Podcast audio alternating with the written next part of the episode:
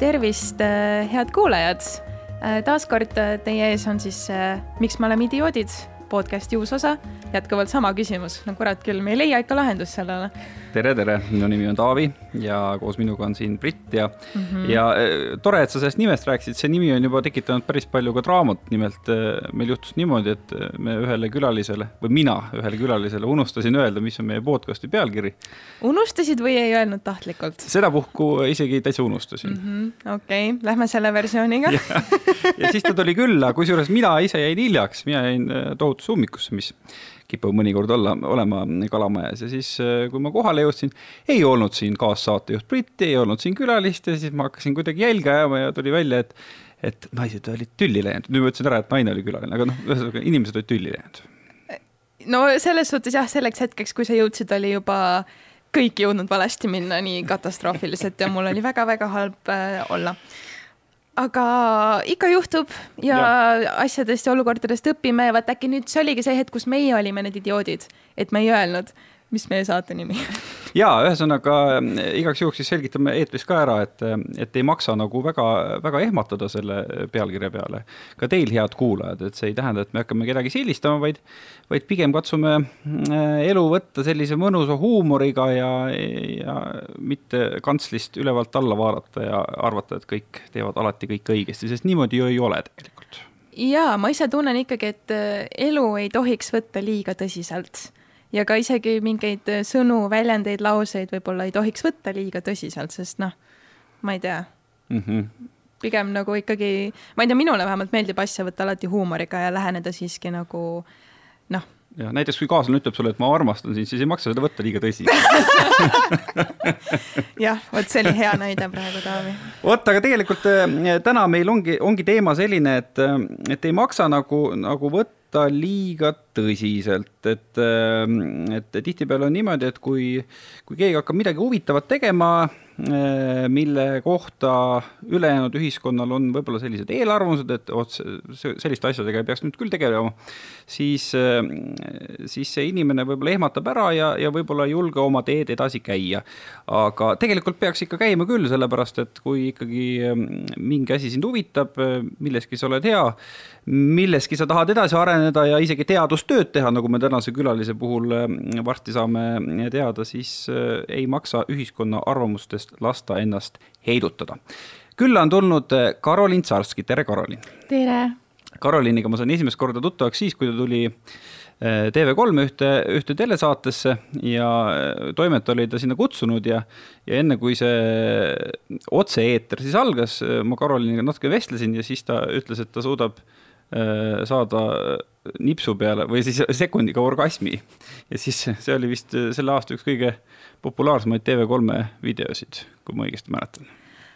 sa vist ei töötanud mina siin, veel ei töötanud ja. siis TV3-s, aga see uudis jõudis ka minuni või ma nägin seda uudist, ma nägin seda klippi isegi vaata. ja siis ma ka mõtlesin, et okei okay, ja noh, et, et mis, mis värk on, on ju, et nüüd, vot nüüd kohtun mina esimest korda Karoliniga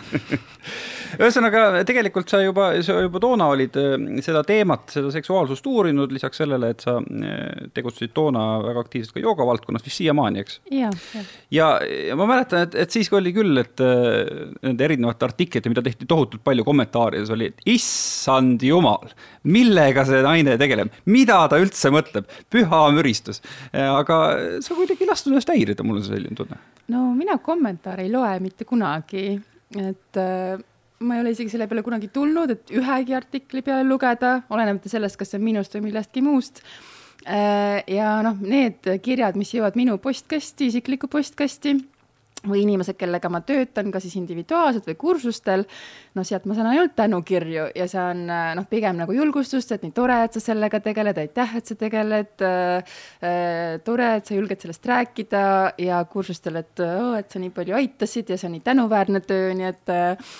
ma ei tea, mis kommentaarides toimub, aga, aga mina tean, et et need inimesed, kellega ma töötan, noh, neil on nagu positiivne kogemus mm. -hmm aga võib-olla, kui on inimesed, kellele nimi Karolin Sarski ei ütle veel täna midagi, kas sa veidi räägiksid äkki alguses, millega sa täpselt tegeled? Mm? -hmm no täna mul jah, hästi suur fookus on siis teadliku seksuaalsuse koolitused, ehk siis ma teen kursusi naistele ja ka meestele ja ka siis individuaalvastuvõtte meestele, naistele, paaridele. Või noh, tegelikult lõpuks nagu ega see sooliselt ei ole alati ka kinni inimestele. Äh, kes siis tunnevad, et kas neil on seksuaalses väljakutseid, et äh, neil ei ole nii hästi, kui nad sooviksid, nad ei saa rahuldust äh, või siis lihtsalt neil on kõik väga hästi, aga nad sooviksid võib-olla sügavamale minna, midagi veel õppida, midagi nii-öelda arendada. et ähm, ja need koolitused baseeruvad siis noh, ongi, et ma olen nagu Äh, erinevatest vaatenurkadest nii-öelda seda õppinud, et äh, mul on äh, tantristliku filosoofia taust mitmed aastad, ma olen seda õppinud ja ise praktiseerinud. ja siis viimastel aastatel ma olen koostööd teinud siis ka ühe teadlasega, lõpetanud siis magistrikraadi paari ja seksuaalteraapia erialal. ja on avaldunud ka üks teadusartikkel, mis tegelikult maailma meedias praegu läks üle maailma nagu täiesti nagu noh, suureks Äh, täpselt sellesama nagu orgasmi teemal. et, äh, et see valdkond on see, mis mind huvitab ja seal ma siis inimesi äh, toetan, aga jah, ma tegelen ka endiselt joogaga, hästi traditsioonilise klassikalise joogaga ja, ja on ka joogakool, kus me siis, meil on niisugune nelja-aastane programm, mida me siis õpetame no kui ma õigesti mäletan, siis sinul oli vist niimoodi, et, et see, et sa hakkasid selle asjaga süvitsi tegelema ja ka ühel hetkel teisi koolitama, ei, ei tulenenud sellest, et sinu enda seksuaalelu oli esimesest hetkest nagu mega hea, vaid vastupidi mm, -hmm. et sul oli suhteliselt vilets värk. ja, et minul noh, nagu tänapäeval ka, ma käin hästi palju ka koolides ja õpetan noortele ja noh, tegelikult on tagasiside endiselt, aitäh, et sa tuled, aitäh, et sa räägid, me ei teadnud mitte midagi sellest. et noh, ikkagi kuigi justkui on seksuaalne seksuaalharidus noh, peaks olema ametlikult päris põhjalik täna äh,, aga mis on puudu, on ikkagi see, et naise nauding, et noh, et kuidas ma naudingu saan, et on põhjalikult, mis on suguhaigused, kuidas käib rasestumine ja noh, veel seal mingeid natuke suhteteemasid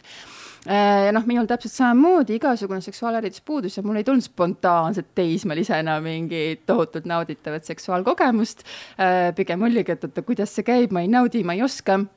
ja siis ma tükk aega lihtsalt ei tegelenud sellega, et äh, jätsin ka kõrvale, noh, mis on tegelikult hästi klassikaline, et tänapäeval ka psühholoogia näitab, et kui inimestel on nagu probleem, neil läheb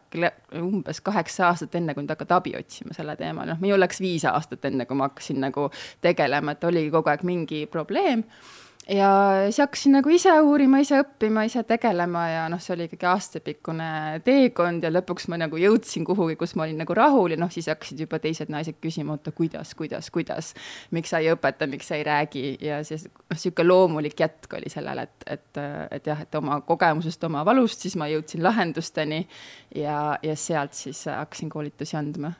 aga kas sa oskad öelda, mis see spetsiifiline niisugune hetk või moment oli, et kus sa tundsid, et okei okay,, et sul käis peas nagu see plaks ära, et kurat, ma pean ikkagi õppima reaalselt ja harima ennast ja võib-olla tõesti minema koolitustele ja asjadele, et kui, mm -hmm. kus oli see hetk, kus sa tundsid, et okei okay,, ma ei tea asjast mitte midagi mm, -hmm. aga tegelikult olukord võiks olla nii palju parem mm? -hmm no mul oli kogu aeg tegelikult nagu sihuke koorem õlgadel, ma nagu tahtsin tegeleda, noh, tegelikult ma läksin kohe, kui mul see probleem algas, ma läksin noortepsühholoogi juurde. Äh, no see oligi seal seksuaalnõustamiskeskuses ja käisin seal paar korda, seal öeldi, et sul ei ole midagi viga, mine koju ja lõdvestu. noh, see nõuanne tookord mul ei toiminud ja ma ei osanud nagu kuskilt nagu otsida ja siis noh, tookord ei olnud ka internet nagu nii kuidagi levinud või et sa sealt nagu oskaks midagi leida, et et siis mul tegelikult see tekkis nagu pigem niisugune pooljuhuslikult, et ma lihtsalt raamatukogus otsisin mingit muud raamatut ja jäi silma tantraraamat, ma mõtlesin, huvitav, mis see ja natuke sirvisin ja see tundus, et oot, äkki seal on mingid vastused minu jaoks. et seal kuidagi kirjeldas seksuaalsust mingi hoopis teise võtme all, mis mina olin seni nagu teadnud ja lihtsalt hüppasin esimesele kursusele, et lihtsalt nagu kuidagi tunde järgi mind juhatati või ma ei tea, mingile teele ja, ja noh, sealt sai siis selline nagu pikk teekond alguse, et ma tõesti avastasin, et seal on mul palju õppida, see võib see olla, mis, mis mind hästi toetab. millal see umbes oli? see oli siis, kui ma olin äh, kahekümne kahe aastane, äh, ehk siis nüüd juba äh, kohe saame teada, kui vana sa oled. Ma olen kolmkümmend kuus, tehke arvutus ehk, ehk siis no laias laastus üle-eelmise kümnendi lõpus. kas see koolitus oli Eestis või? ei, see oli Inglismaal, ma elasin tookord Londonis Äh, ja lihtsalt guugeldasin esimese, mis kalendrist tuli ja mis ma leidsin ja lihtsalt läksin, et äh, jah, see oli Inglismaal. no ma kujutan ette, et toona vist Eestis äh, selliseid koolitusi väga ei olnudki väga ei olnud, et, äh, et noh, Eestis tegelikult on küll see olnud ka juba üheksakümnendatest, aga noh, nagu noh, väga spetsiifilised ringkonnad pidid nagu teadma, aga noh, mina ei olnud tookord kursis sellega üldse, ma olin siis ka liiga noor, et üldse seda mõelda, aga, aga jah, Eestis võib-olla see fenomen hakkas noh, ma ei tea, kümme aastat tagasi ja läks nagu suuremaks et, ähm, et jah, sinnamaani olid nagu noh, väga vähesed tegijad ja väga-väga nagu sihuke väike ringkond, kes selliste asjadega tegeles, aga oli, ma tean, et on toimunud, sest nüüd ma olen nagu noh, suhelnud nende inimestega ja tean, et on olnud tegelikult. aga kuidas, kuidas sinu hinnangul kogu sellesse teemasse nagu suhtumine ajas on muutunud, et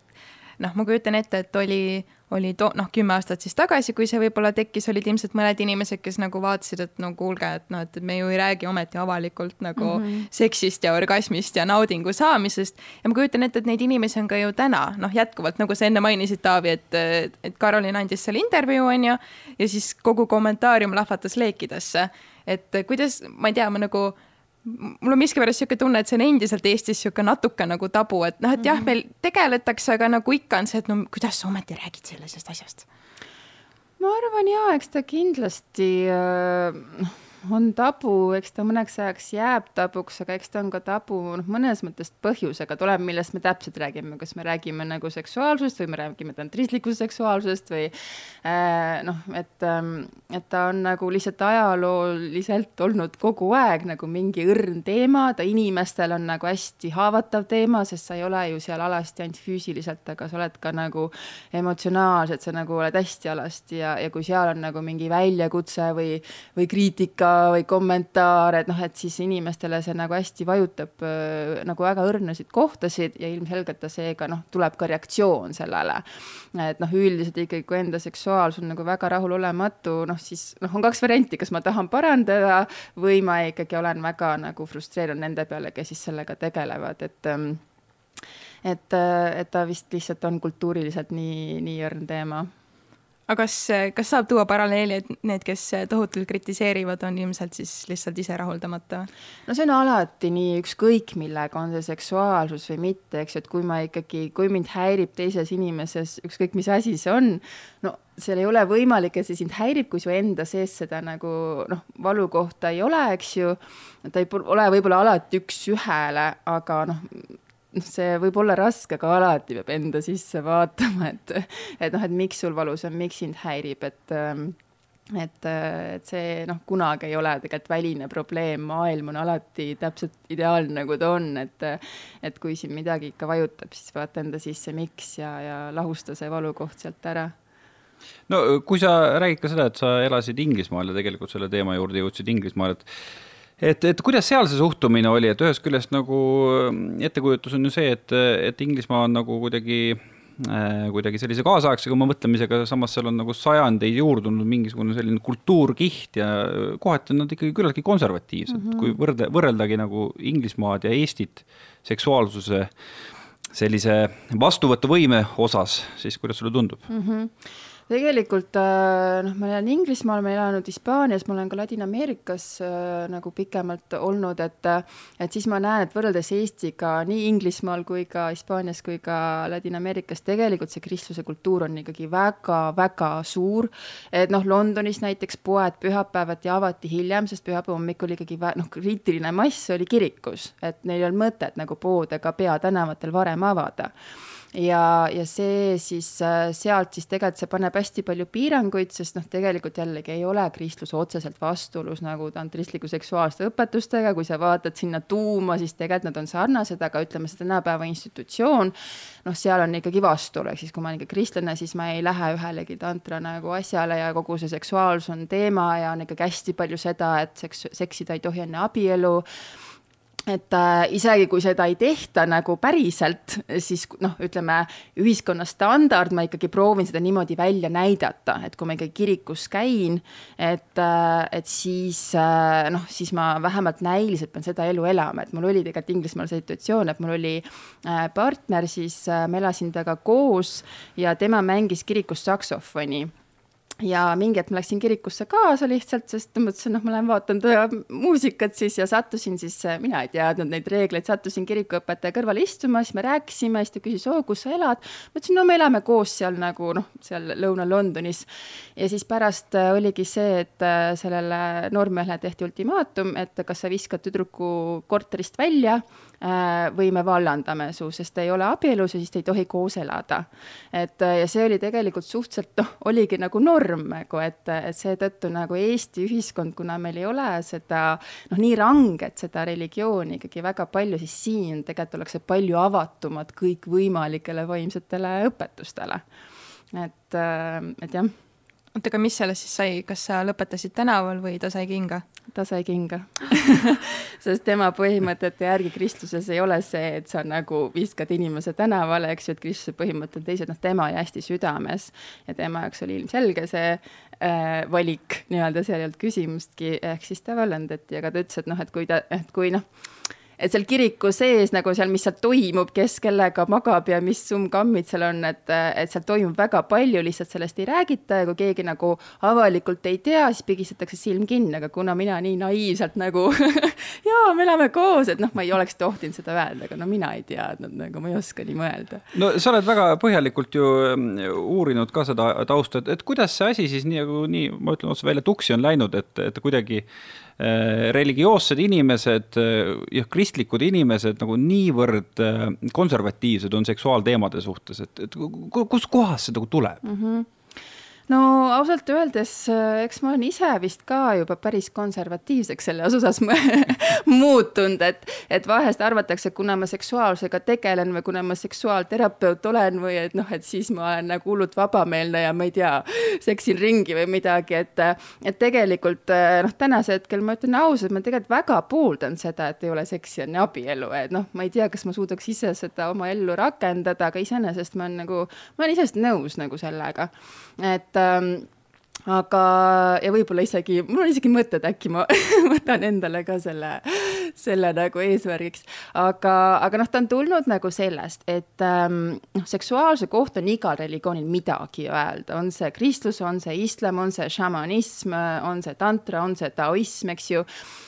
ja tegelikult väga paljudel siis äh, erinevatel noh, kultuuridel on, ongi väga sarnased sügavad õpetused, et me leiame noh, islamist äh, no ikkagi väga põhjalikud, ma ei tea, kuueteistkümnenda sajandi mingi seksuaalsed õpetused, kuidas naudingut saada et äh, aga jah, et äh, probleem on tehtud siis seksist endast, ehk siis on öeldud, et noh, ei tohi seksida, eks ju, et see on justkui patt äh,. aga tegelikult noh, kui sa vaatad süvitsi, siis probleem ei ole, noh, kui tantra perspektiivist võtta, probleem ei ole seks ise, vaid probleem on see, et inimesed tihti nagu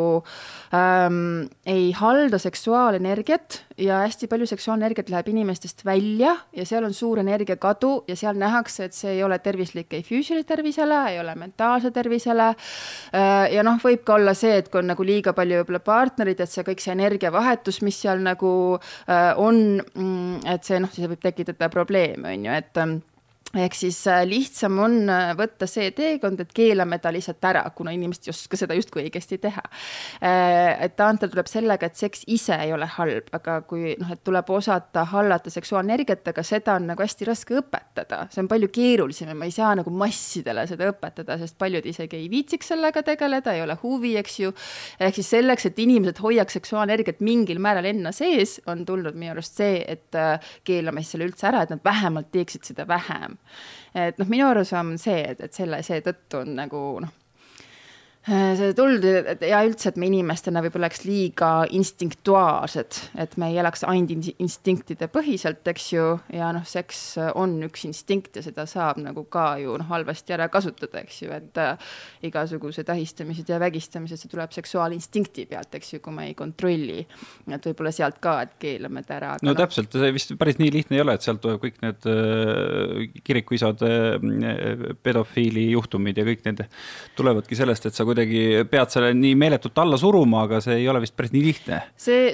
jah, et see, see, see ei ole isegi õigustatud, sest noh, ütleme, kui me meeste puhul räägime, mehe keha kogu aeg toodab spermat, on kogu aeg valmis nii-öelda tegelikult ejakuleerima ja kogu aeg nii-öelda valmis, et, et tekiks järglane, eks ju, kui ma surun nagu selle sugutungi alla, lihtsalt ütlen, et see on paha, et see on mehe füüsilisele tervisele väga halb ja tihti ka mehed muutuvad vihaseks, sest sa ei suuda, see energia lihtsalt nagu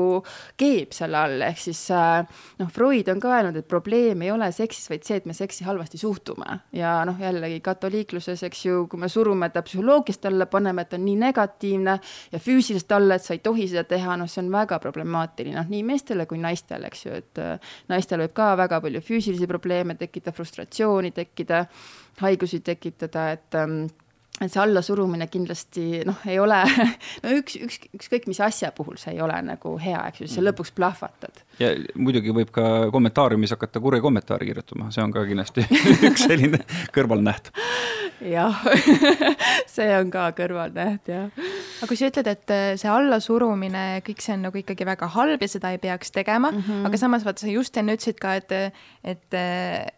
seks enne abielu, et noh, et, et isegi võib-olla noh, rakendada tõesti, et mitte seda teha mm. -hmm. aga see ei ole ju samamoodi allasurumine tegelikult, et sa oled selle inimesega koos, sa armastad teda, sa tahad temaga veeta terve oma elu mm, -hmm. aga ja sa mhm. kogu aeg siis surud seda alla, sest mm -hmm. sul on mhm. justkui see, et aga ma ju ei tohi enne abielu mm, -hmm. ma ei mhm. tohi enne abielu, et mis, mis värk no, sellega on? seal jah, ütleme, seal võib noh ma arvan, pigem on see nagu vaata su suhtumises, et äh, kindlasti noh, seksuaalenergiat ikkagi tuleb siis osata liigutada ja kasutada, et see, kui ma olen siis näiteks intiimne, ma võin võib-olla siis intiimne olla, aga ma ikkagi nagu genereerin seda ja ma suunan seda ja see võib nagu ringel, ringlusesse ikkagi minna või ma siis tegelen iseendaga või ma suunan seda energiat kuskile mujale, kas siis töösse või sporti või õppimisse või noh, et et see haldamine on oluline, aga jah, see, et ma mõtlen, et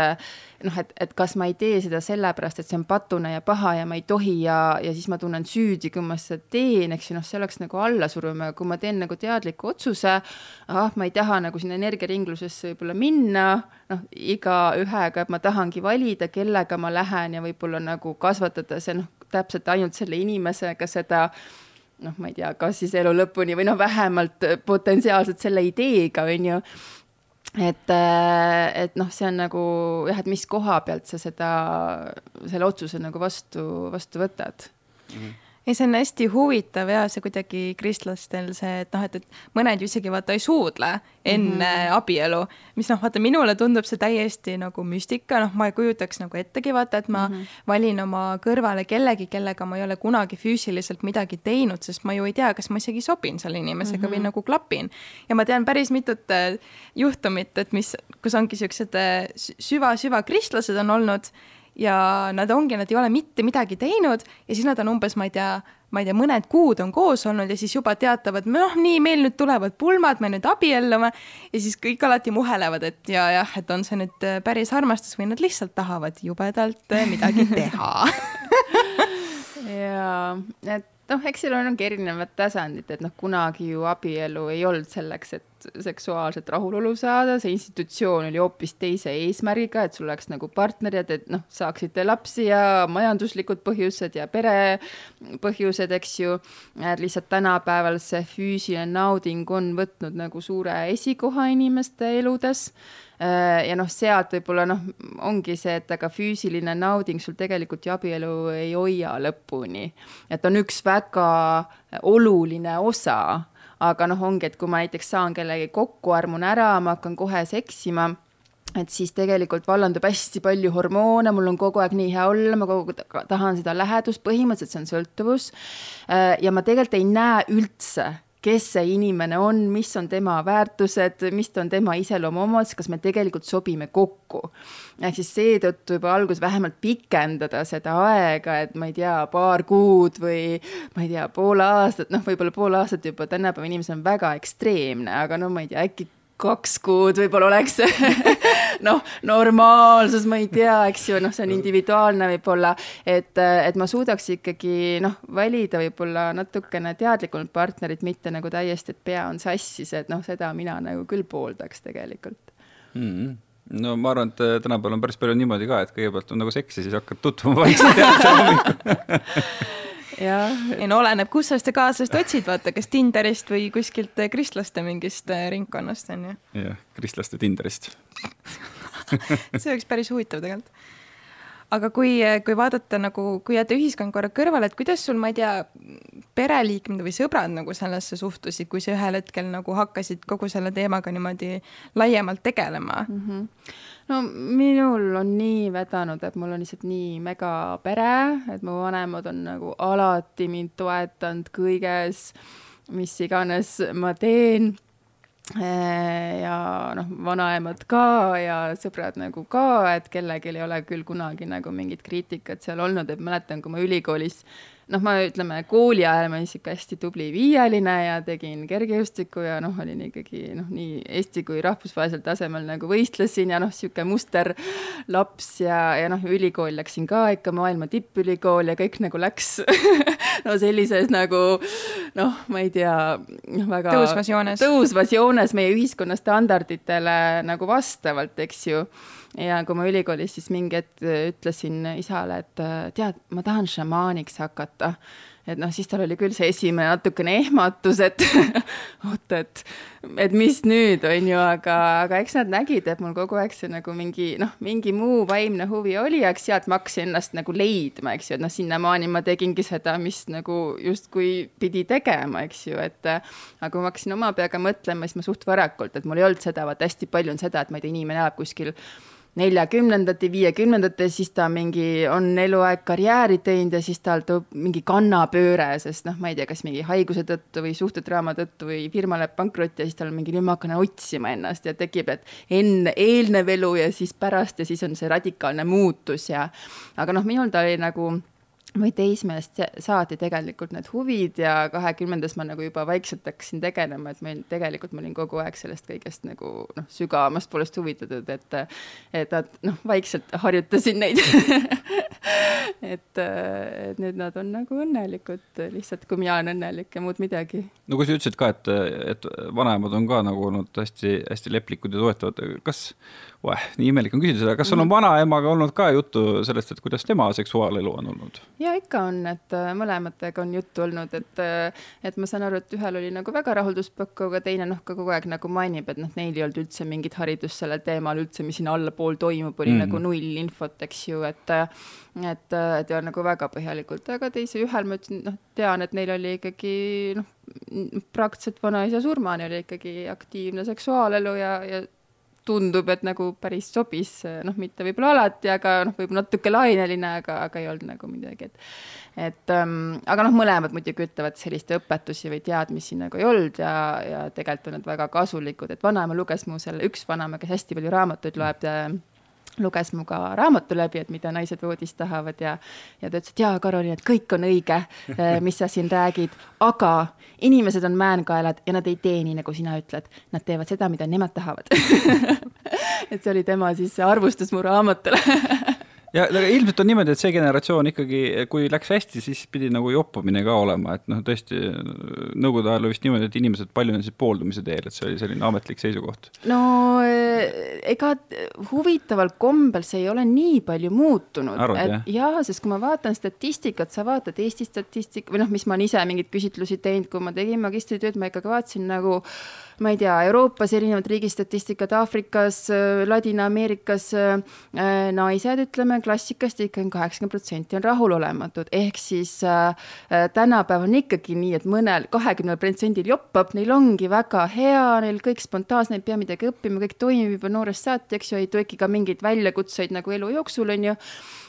sest noh, on ju ka igasuguseid muudatusi, et kust tulevad lapsed ja see sünnitusprotsess ja menopausid, et noh, tegelikult see võib kogu aeg mingid suured asjad mõjutada, nagu naise seksuaalsust eriti ja noh, mehe puhul ka erinevad haigused ja ja ma ei tea, tööstressid ja kõik, eks ju, et ähm, et, äh, et jah, et osadel see tõesti on spontaanselt väga hea, aga see protsent tegelikult on äh, endiselt väga kõrge, et keegi ütles minu arust väga hästi, ma ei mäleta, kes see naine oli, et äh, seksuaalne revolutsioon on tõstnud seksi kvantiteeti, aga mitte kvaliteeti mm. -hmm. et jah, me seksime võib-olla vabamalt ja rohkem, aga väga paljud naised ikkagi ei ole täna rahuldatud et äh, mis siis, et on infoajastu justkui ja, ja võiks nagu olla infot rohkem aga mis see peamine põhjus on siis? No minu tagasihoidlik arvamus on see, et ikkagi meil on, meil on see kiiretempoline maailm, mis meil on, eks ju, ja, ja seks on ka selle lainega nagu kaasas, äh, ehk siis kõik on nagu suhteliselt kiire ja äkiline äh, ja mis on klassikalisest rohkem, noh, meestele sobib selline nagu tempo rohkem. naistele üldiselt, noh, see võib sobida, ei tähenda, et naised ei võiks mingeid kähkukaid nautida, vabalt võivad, mm, aga üldiselt on ikkagi oluliselt rohkem aega vaja vaja ja seda nagu ei tea naised ise, seda tihti ei tea mehed, äh, seda aega ka logistiliselt vahet lihtsalt ei ole, eriti kui sul on, ma ei tea, lapsed ja tööd ja asjad, eks ju, ei ole lihtsalt piisavalt aega, et naine saaks nagu loomulikult avaneda ja siis tehakse see kiiresti nagu ära, et on mega palju naisi, kes endiselt arvavad, et nende kohus on seksi anda, see protsent on ebareaalselt kõrge. Ähm, ja siis nad lihtsalt teevad ära, nad ei kommunikeeri oma partnerile, et neile ei sobi või neile ei meeldi, sest noh, lihtsam on peretülisid vältida, kui ma lihtsalt teen ära, on ju, selle asja et, ähm, et noh, mina näen ka seda, et lihtsalt ongi ka haridust on lihtsalt puudu, et meil nagu domineerib mingi visuaal, noh, pornograafia, noh, jällegi mina ei ütle, et midagi on nagu mustvalge, halb, hea, aga ta võib olla ka väga suur mõjutada, mõjutaja, kuna need protsendid on ikka megakõrged. Ähm, ja pornograafia, noh, üldiselt ikkagi on väga kiire, äkiline, mehelik seksuaalsus, aga noh, üldiselt ka täiesti tavalised Hollywoodi filmid, seriaalid, seal on ka, kõik on nii kiire, kaks inimest kokku, suudlemine, riided viskuvad, siis on penetratsioon, siis on orgasm ja järsku valmis ja seda ma kuulen nii palju naistelt, et mul ei ole nagu filmis, mis mul viga on, ma ütlesin, sul ei ole mitte midagi viga, onju. ja mul, see on, see on mega hea point tegelikult, sest mul on ka täiesti sihuke tunne, et osad mehed on nagu, neil on mingid kinnisideed nende pornode ja filmide ja asjadega, et just, et miks see, miks see ei ole nii, vaata, onju, neil on see mingi kujutelm on nagu peas, nad arvavad, et nii see käibki ongi päriselt mm, -hmm. aga mhm. noh, tegelikult nii ei ole. tegelikult enamus naistele nii ei ole, eks ju, et see noh, pornograafias on näitlejad naised on seal näitlejad, mehed on ka seal näitlejad, seal on kõik näitlejad, eks ju, et et, et see on nagu hästi kauge, jällegi, kui kellelegi väga sobib selline pornograafiline seks mingis kontekstis, siis on väga tore,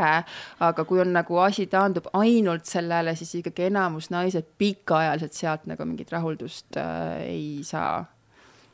mis on äh, mis on võib-olla kõige mingi niisugusem olulisem või ma ei tea, mingi tähenduslikum asi, mida sa oled õppinud kogu selle nagu protsessi vältel? no mida mina korrutan kõigile naistele, et teil ei ole midagi viga et noh, tegelikult ongi noh, enamus naisi, kes tulevad, nad arvavad, neil on mingi probleem, et neil ei ole näiteks iha, nad ei soovi seksida, äh, et nad ei tunne midagi äh, vahekorra ajal siis just ähm, et nad ei saa võib-olla mingeid, kas üldse ei saa orgasme või tunnevad, et nad noh, et, et, et nad ei saa mingit sügavat orgasmi ja siis nad arvavad, et neil on tohutu probleem ja nad peavad nagu noh, ennast kuidagi siis äh, terveks tegema, et siis äh, mehel oleks hea põhimõtteliselt. Et äh, ja noh, kui ma neid lugusid kuulan, siis ma ütlen, et täiesti terved naised, teil on kõik väga hästi, enamus asjadel lahendaks asja lihtsalt see, et sa lihtsalt võtad kauem aega selleks et enamus juhtudel, mis soovitus mina kõigile annan, mis kõik ka imestavad, oota, sa tahad ju inimeste seksuaalelu paremaks teha, kuidas sa siis niimoodi kirjutad, et noh, lõpetage ära seksimine et noh, penetratsioon, et meil on ka nii fokusseeritud kõik penetratsioonile ja, ja seal nagu naise, noh, kui kui toimub penetratsioon, siis mehe erutuskude ehk peenis on täielikult stimuleeritud. mehel, noh, kui tal on juba kõva ja ta saab sisse, tal on alati hea, see on suhteliselt garanteeritud. noh, jah, mõne partneriga on võib-olla sügavam ja mõnusam ja mis iganes, eks ju äh,, aga, aga noh, füüsiline taju, seal ei ole nagu, tal ei ole valuohtu, kui ta läheb naise tuppa ja seal on ikkagi väga suur tõenäosus, et noh, mingi nauding seal on. kui toimub penetratsioon, siis naise tuppe sees ei ole terve tupp sul erutuskudet täis, ehk siis potentsiaalselt sa ei tunne lihtsalt mitte midagi. et seal on küll valjub väga palju närve, aga et need erut-, noh, et sa tunneks sealt naudingut, noh, selleks ongi tavaliselt vaja aega et äh, meil on see arusaam, et selleks, et saaks penetratsioon toimuda, on vaja, et mehe peenis on kõva. aga me ei pööra tähelepanu sellele, et naise suguelundid on samasugune erutuskude, täpselt samasugune nagu peenis, põhimõtteliselt peab olema ka kõva, enne kui ma sisenen, aga sellele ei pöörata tähelepanu ja noh, ongi penetratsioon on liiga kiire ja sealt väga paljud naised ei tunnegi või tunnevad valu, mida on ka hästi palju, väga paljud naised seksivad läbi valu ja see on hästi kurb, et äh, aga, aga jah, neil ei ole midagi viga, neil tõenäoliselt lihtsalt rohkem aega vaja. kui palju siis aega ja, äh, ja kust ma selle aja võtan, et võib-olla ma ei ole enam kahekümne nelja aastane noor inimene mm, -hmm. kes äh, elab koos oma partneriga koos, et, et kui ikkagi äh,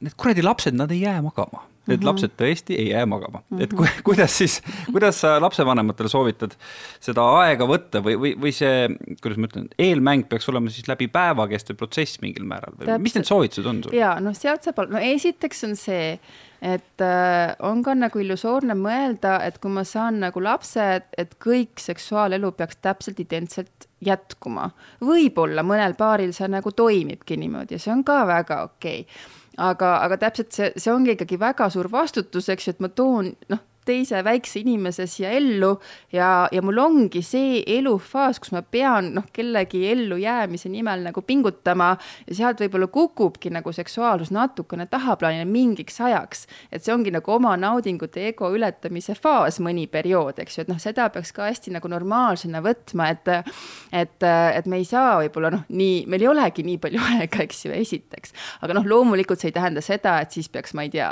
kümneks aastaks seksuaalne nulli minema, sest ma fokusseerin ainult laps, lastele, on ju et, äh, et jaa, täpselt see, mis sa ütlesid, noh, et, et noh, naise jaoks eelmäng käib kogu aeg, eks ju, et kasvõi see väike sõnum, ma armastan sind või sa oled ilus, äh, noh, see juba hakkab teda nagu soojendama tegelikult päeva jooksul üle, et see partnerlussuhe, kui see on harmooniline, see iseenesest juba nagu naist kogu aeg nagu soojendab, eks ju. et noh, komplimendid naisele, neid ei ole kunagi liiga palju, et neid võib nagu julgelt ja kui sul ei ole nagu loomingust, ütle lihtsalt, sa oled ilus, sellest piisab, ütle seda kümme korda, sa tuled koju, on tõenäoliselt juba valmis, on ju. et noh, sellega saab seda füüsilist eelmängu kindlasti nagu julgelt kiirendada ähm, ja noh, teiseks peab, noh, seal peab olema lihtsalt noh, seda mina ei õpeta, aga sa peadki aega logistiliselt siis planeerima, et võib-olla siis leiad äh, mingi hetk siis lapsehoidja või äkki keegi teise, kellel on lapsed, annad mingi õhtu lapsed sinna ja, ja teine õhtu võtad nende lapsed, et teisel paaril oleks siis see aeg, eks ju, et et vahepeal see ongi lihtsalt puhas logistika, kuidas ma selle aja nii-öelda siis äh, juurde tekitan. Ja noh, lõpuks on ka see, et, et äh, jällegi me ei pea alati jõudma penetratsioonini, see paneb pinge peale, kui ma nagu jõuan sinna voodisse ja ma olen täiesti läbi, sest noh, tõesti on lapsed, ma ei tea, olnud seal poole ööni üleval, on ju, et me võime ju lihtsalt äh, kallistada, lihtsalt silitada, lihtsalt ühes rütmis hingata, seda intiimsust nagu hoida. või päeva jooksul näiteks, ma ei tea, võtame viis sekundit, et suudelda. et ja seda nagu sinna sisse põimida, et nagu ma seda intiimsust kogu aeg hoian ka väikeste tükkidena nii-öelda, et siis, kui äkki tekib see natuke aega, siis minna äh, noh, penetratsioonis jälle jällegi keha on nagu juba ette valmistunud. või siis, mis ma soovitan, proovi kasvõi mõelda päeva jooksul mingeid seksuaalseid mõtteid, et ähm, sest noh, tihti meil on olmemõtted, on ju, et äh, kas ma jõuan tööle, mis ma poest ostan, kas arved on makstud, on ju, mis veel kõik on vaja teha, mis see logistika on. et, äh, et noh, see hetk, kui sa võib-olla keriks Facebooki newsfeed'i alla, paneks likee, et noh, see kümme sekundit, võta lihtsalt mõtle mingi seksuaalfantaasia enda peas välja, eks ju. et, et sa nagu noh, toidad nagu nii, et seda seksuaalset aju ja noh, ka paarina siis noh, hoiad seda noh, väikseid intiimseid killukesi, mis on see eelmäng, ehk siis nii-öelda siis, kui tuleb nii-öelda noh, see päris siis noh, jällegi see ei ole nagu päris, on nii halvasti öeldud tegelikult, et kui meil on rohkem aega, siis me võib-olla noh, saamegi siis kiiremini ennast ka avatuks. et äh, noh, naistele ma alati soovitan ka päeva jooksul proovida lihtsalt kogu aeg lõdvestuda, lihtsalt hinga kogu aeg välja sügavalt, proovi kogu aeg oma keha lõdvestunud hoida. ehk siis jälle, kui ma lõpuks jõuan sinna voodisse, siis ma nagu oskan lõdvestuda, et lõdvestus on midagi, mida tegelikult tänapäeval peab treenima et seda ei ole spontaanselt väga paljudel naistel, see on põhiprobleem naiste puhul. et äh, nad ei suuda lõdvestuda, ei suuda välja lülida, et kui ongi nagu kiire, kiire, kiire, isegi kui lapsi ei ole, aga noh, kui lapsed on, siis võib-olla eriti. Äh, ja siis, kuidas ma nüüd lülin, et oh, nüüd on intiimsus ja nüüd on lõdvestus ja nüüd on nagu seks, et see, see ei olegi väga lihtne, et siis tuleb seda harjutada mm. no teine asi on muidugi see, et, et kindlasti on ka päris palju paare, kelle kelle paari suhtest on selline seksuaalsus üldse nagu ära kadunud. mul on üks sõbranna, kes, kes praegusel hetkel on juba uues ja õnnelikus suhtes, aga aga ta oli, enne seda oli kümme aastat suhtes, millest viimased seitse aastat, vähemalt tema enda väitel, ta oma partneriga ei olnud kordagi seksuaalvahekorras. kui nagu selline asi on tekkinud, et ongi nagu partneritel on harjumused, kõik on nagu hästi, aga, aga see seks on nagu meelest ära läinud, et kuidas, kuidas seda nagu hakata kuidagi taastama mm.? no see on esiteks natuke ikkagi noh, kindlasti individuaalne, et mis põhjusel ta ära kadus äh, aga jah, tihti noh, see on ka natuke vale arusaam, et, et meil on see nii-öelda et alguses, eks ju, kui need hormoonid laes, noh siis ongi see kirg, äh, kellel see kaua kestab, kellel võib-olla paar kuud, kellel kuus kuud, kellel kaks aastat, noh, mõnel võib-olla kolm-neli aastat, aga noh, sealt edasi üldiselt ikkagi toimub see langus, eks ju, et hormoonid äh, noh, tasakaalustuvad ära ja kirg kaob suhtest ära ja siis on see, äh, hakkab see nii-öelda pikaajalisem suhe, kus see seks nagu on rutiinne või ei ole enam sama kirg, eks ju ja süüdistatakse siis hormoone ja et see peaks niimoodi siis, et see on nagu standard, mis nagu igas paari parisuhtes justkui peaks toimuma. Ehm, jah, hormoonid muutuvad, aga me ei saa hormoone süüdistada, me saame tegelikult süüdistada seda, kuidas me üksteisesse partneritega suhtume. ehk suhte alguses tavaliselt me paneme energiat ja me pingutame, nii naised kui mehed, eks ju, et ma kogu aeg mõtlen, kuidas ma saaks partnerile midagi head teha, eks ju, käiakse kohtingul, võetakse see aeg, eks ju, koheldakse üksteist tegelikult austusega, koheldakse armastusega. Ja tegelikult on see see võtmesõna, mis seda seksuaalsust ka hiljem hoiab. Ja tihti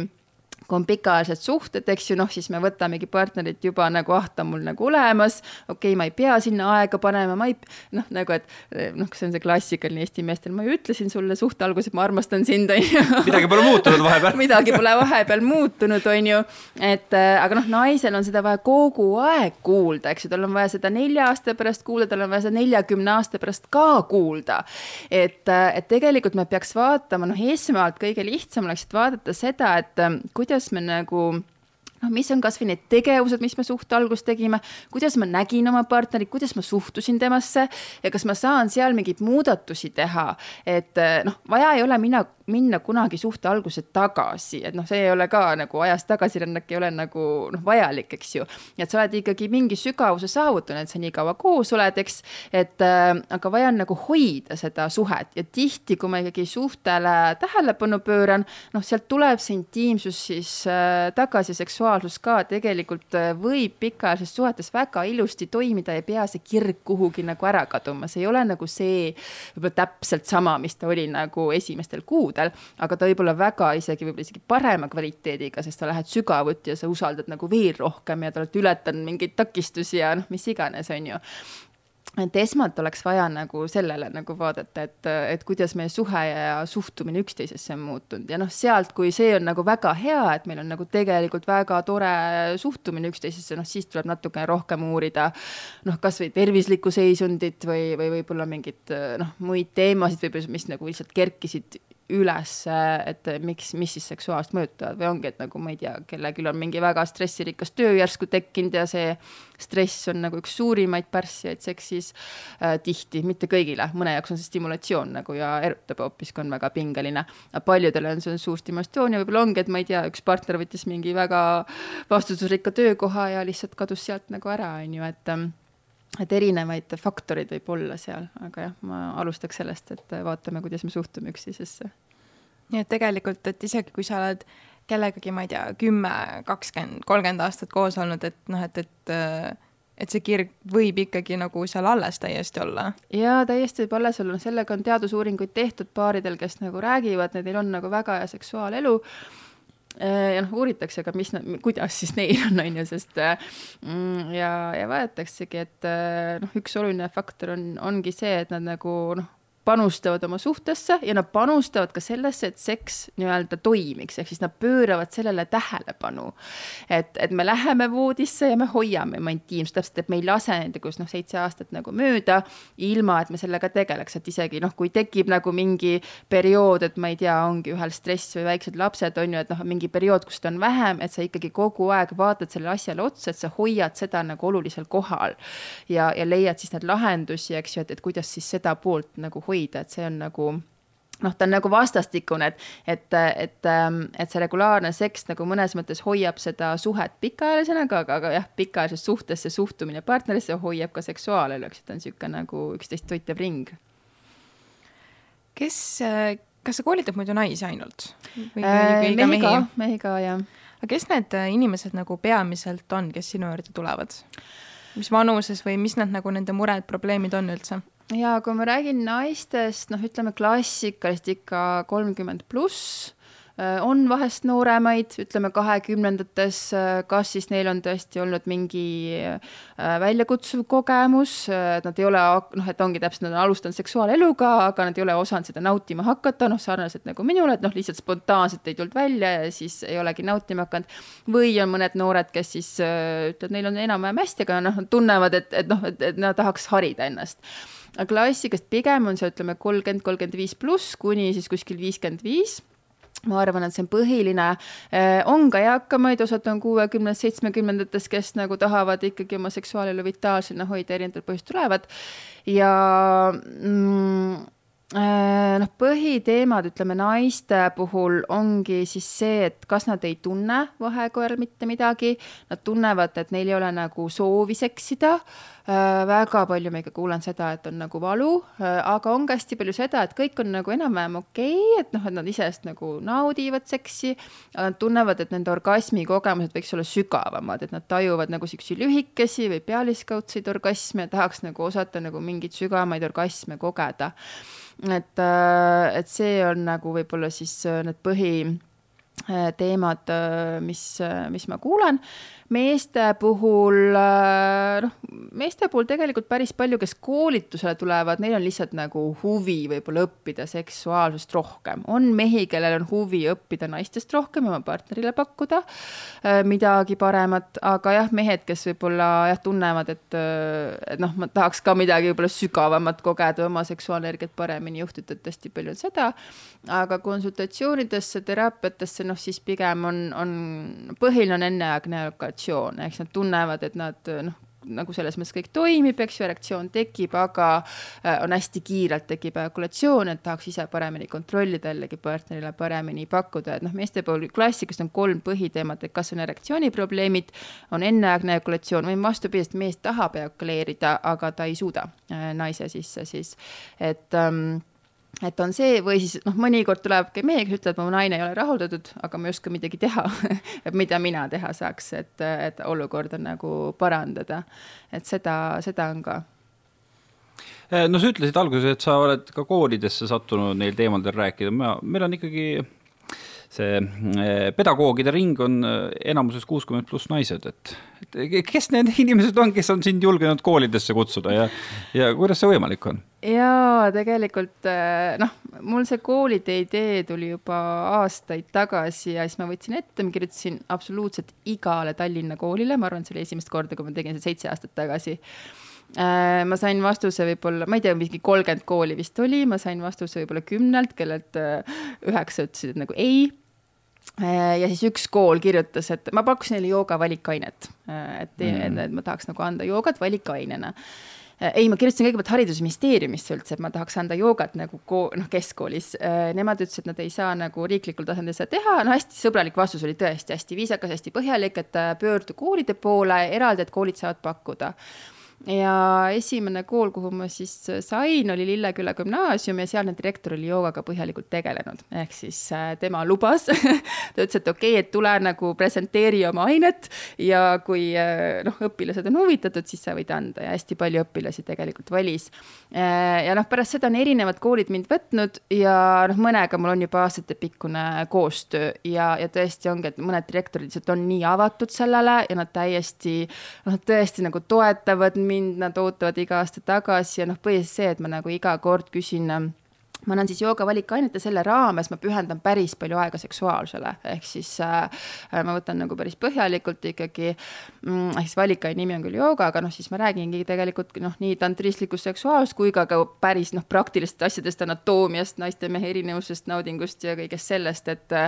ja noh, eranditult on noorte tagasiside, et meil ei ole seda infot, see on, on väga tänulikud, et ma alati noh, küsin kirjalikku tagasisidet ja noh, ma alati näitan seda õppejuhatajatele, mida noored kirjutavad, kirjutavad ja noh, selle baasilt nad nagu noh, iga aasta praktiliselt ikkagi enamus koole kutsub mind äh, äh, tagasi, sest see, mis noored sealt nagu saavad, noh nii joogast üldiselt äh, kui siis seksuaalsust on lihtsalt nii äh, kasulik, et see aasta Äh, üks uus kool Arte gümnaasiumis ma tegin, nendel isegi nad panid äh, kahele klassile kohustuslikuks jooga, mis minu jaoks on täielik läbimurre Eesti Vabariigis.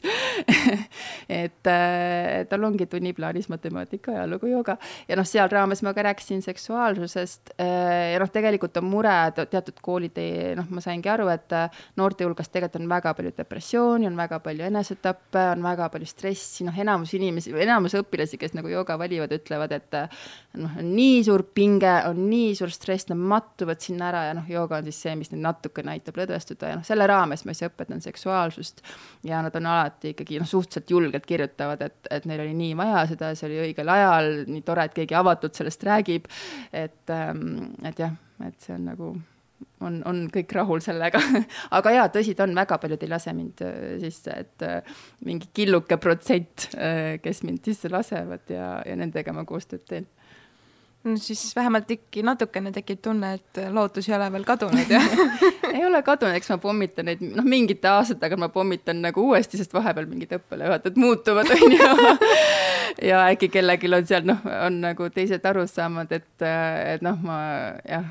nagu noh, selles mõttes kindlasti ujud vastuvoolu selliste teemadega, aga, aga vahepeal on mingid aknad, siis ujud sealt sisse.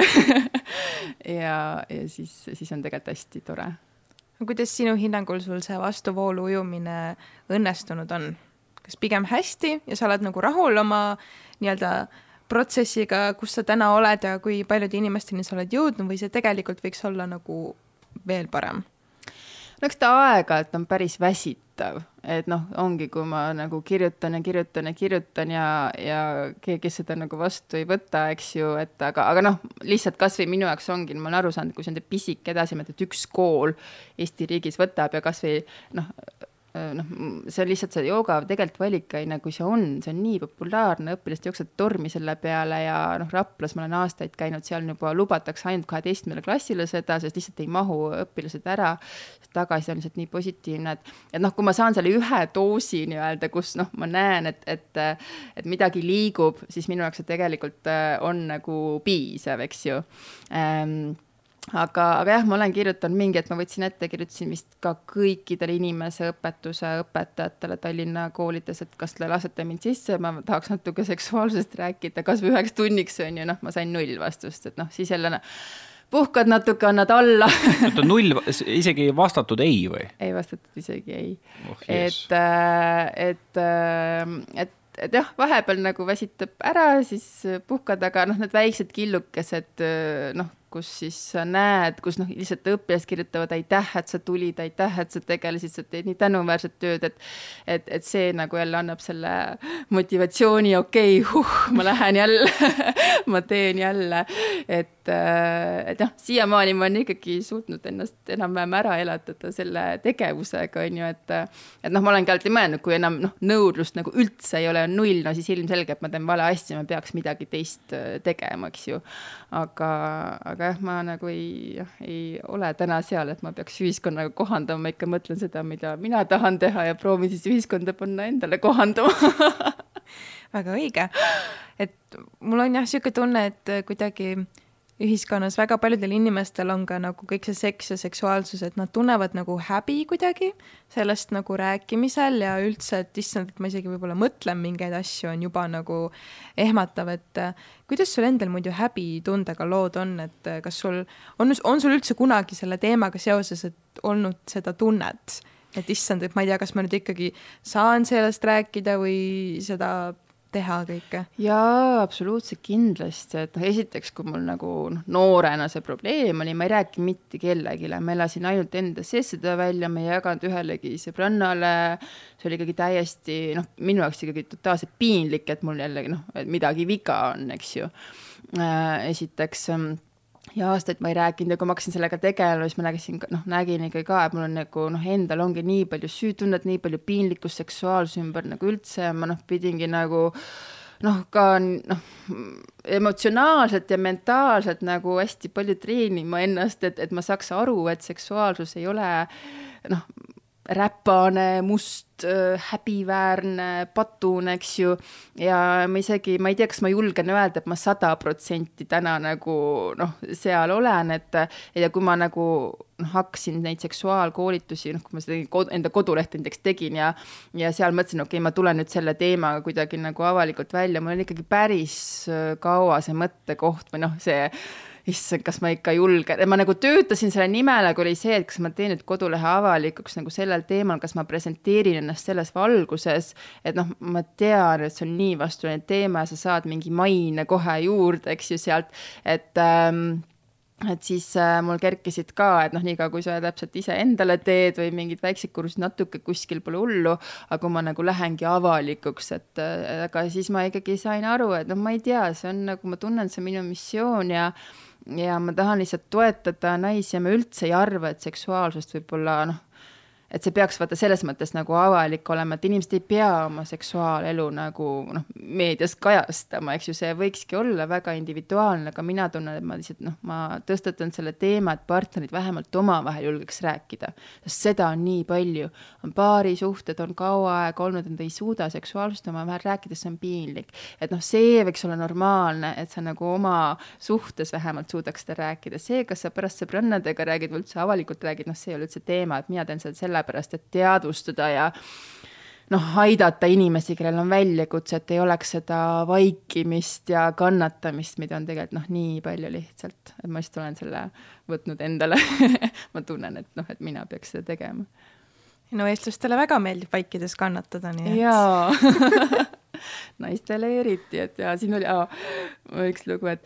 eh, noh, ma käin vanemale, teen talle massaaži iga paari nädala tagant ja ja siis ükskord ühele eelmisele partnerile tegin massaaži, siis ta mingi, oi, issand, kui valus, sa nii tugevasti teed. ütlesin, aa, et tõesti või. ja siis äh, läksin vanaema juurde, küsin, vanaema, kui ma sulle massaaži teen, kas sul, kas ma liiga tugevasti ei tee, kas sul valus ei ole või? vanaema mingi, ei noh, ikka on, aga ega ma kisama selle pärast ei hakka ja siis ma mõtlesin, et nojah, aga vaata, naiste mentaliteet ongi see, mul on seksi ajal valus, aga ega ma siis ei ütle seda ju et äh, ja noh, mul endal on ka see väga ammu, noh kaua on seesama olnud, et mul on võib-olla ebamugav, võib-olla meeldib, aga no ega ma seda ütlema ju ei hakka, et olen vaikselt ära ja asi tehtud, on ju. võib-olla lõpetuseks siis veel, et äh, kui nüüd äh, meid kuulab keegi, kes ise võib-olla tunneb, et ta on samas olukorras, kus sina olid siis noh, aastaid tagasi, aga tal ei ole seda julgust võib-olla, et üldse selle teemaga hakata tegelema või uurida või kasvõi tulla sinu juurde, on ju mm, -hmm. et äh, kust siis see julgus äh, leida või mis on see esimene nagu samm, mida mhm. tegelikult mm -hmm. võiks teha? no kui ma enda koolitustest räägin, siis noh, naistele ma olin, olen kolinud äh, koolitusi online'i et äh, just sellepärast äh, osaliselt, et inimene saaks äh, tegeleda sellega oma kodus privaatselt, et sellel koolituse formaadil on küll nagu otsekõned ka, aga sinna võib siseneda anonüümselt ja ei pea kaamerat panema, et sa saadki nagu kõike teha nagu täis privaatselt, noh, et ma näen küll ainult su nime e, emaili, kui sa registreerid seda, mina ainukesena näen, eks ju aga, aga jah, et kust noh, et miks tegeleda, et noh, väga paljud naised nagu ütlevad, et ja noh, mis on ka idamaade filosoofia, et see seksuaalne ärgus on nagu kõige nagu alus, eks ju. Nad ütlevad, kui mul sellega oleks hästi, noh, ma tunnen, mul kõik elus kuidagi oleks mõjutatud sellest, et mul oleks võib-olla suhe parem või mul oleks nagu enesetunne parem ja tervis parem ja töö parem, kui ma saaks selle baasallikana nagu liikuma noh, kasvõi mingil tasandil.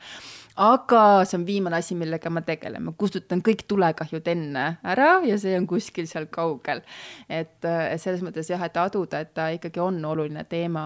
ähm,, noh, millega tegeleda, aga noh, see on nagu hästi oluline, et tõesti, et seal peab olema see turvaline ruum, et mina ei soovitaks ta ka tõesti hüpata võib-olla mingile kursusele, noh, nagu ma ise olen väga palju teinud, ma ei soovita seda täna, et et jaa, et valige esimene tantekursus, hüppake paati ja tehke kõike kaasa, on ju, et ei. Et vaata rahulikult, ettevaatlikult nii-öelda, alati kuula ennast, alati julge öelda ei, tee seda nagu turvalises ruumis, seda ei pea nagu kunagi liiga avalikult liiga, noh, et see ei ole, sul ei ole midagi viga nagu siis, kui sa ei taha seda kuidagi noh, mingil kursusel avalikult teha, sest sa ei peagi kunagi, sul ei peagi kunagi see meeldima hakkama ja sul ei ole midagi viga, et siis on väga okei okay sellega kodus tegeleda, võib-olla tõesti mingid raamatud või noh, internetis on palju, aga noh, seal on ka nii palju nagu valeinfot, et seal peab lihtsalt oskama seda filtreerida. Et äh, siis peab lihtsalt võib-olla hästi palju aega pühendama, et nagu võrrelda siis mingit infot ja mis nagu kõnetab ja võib-olla selle pealt siis Äh, noh, midagi noh, naistelt, naiste puhul tegelikult noh, neil on nagu intuitsioon tegelikult on olemas, et tegelikult ma ütlen naistele alati, et mul ei ole sulle mitte midagi õpetada. ainuke asi, mis ma sulle õpetan, on see, ma annan sulle võib-olla mingid praktikad, et sa saad iseenda tarkusega kontakti ja sa usaldad seda, mida sa juba tead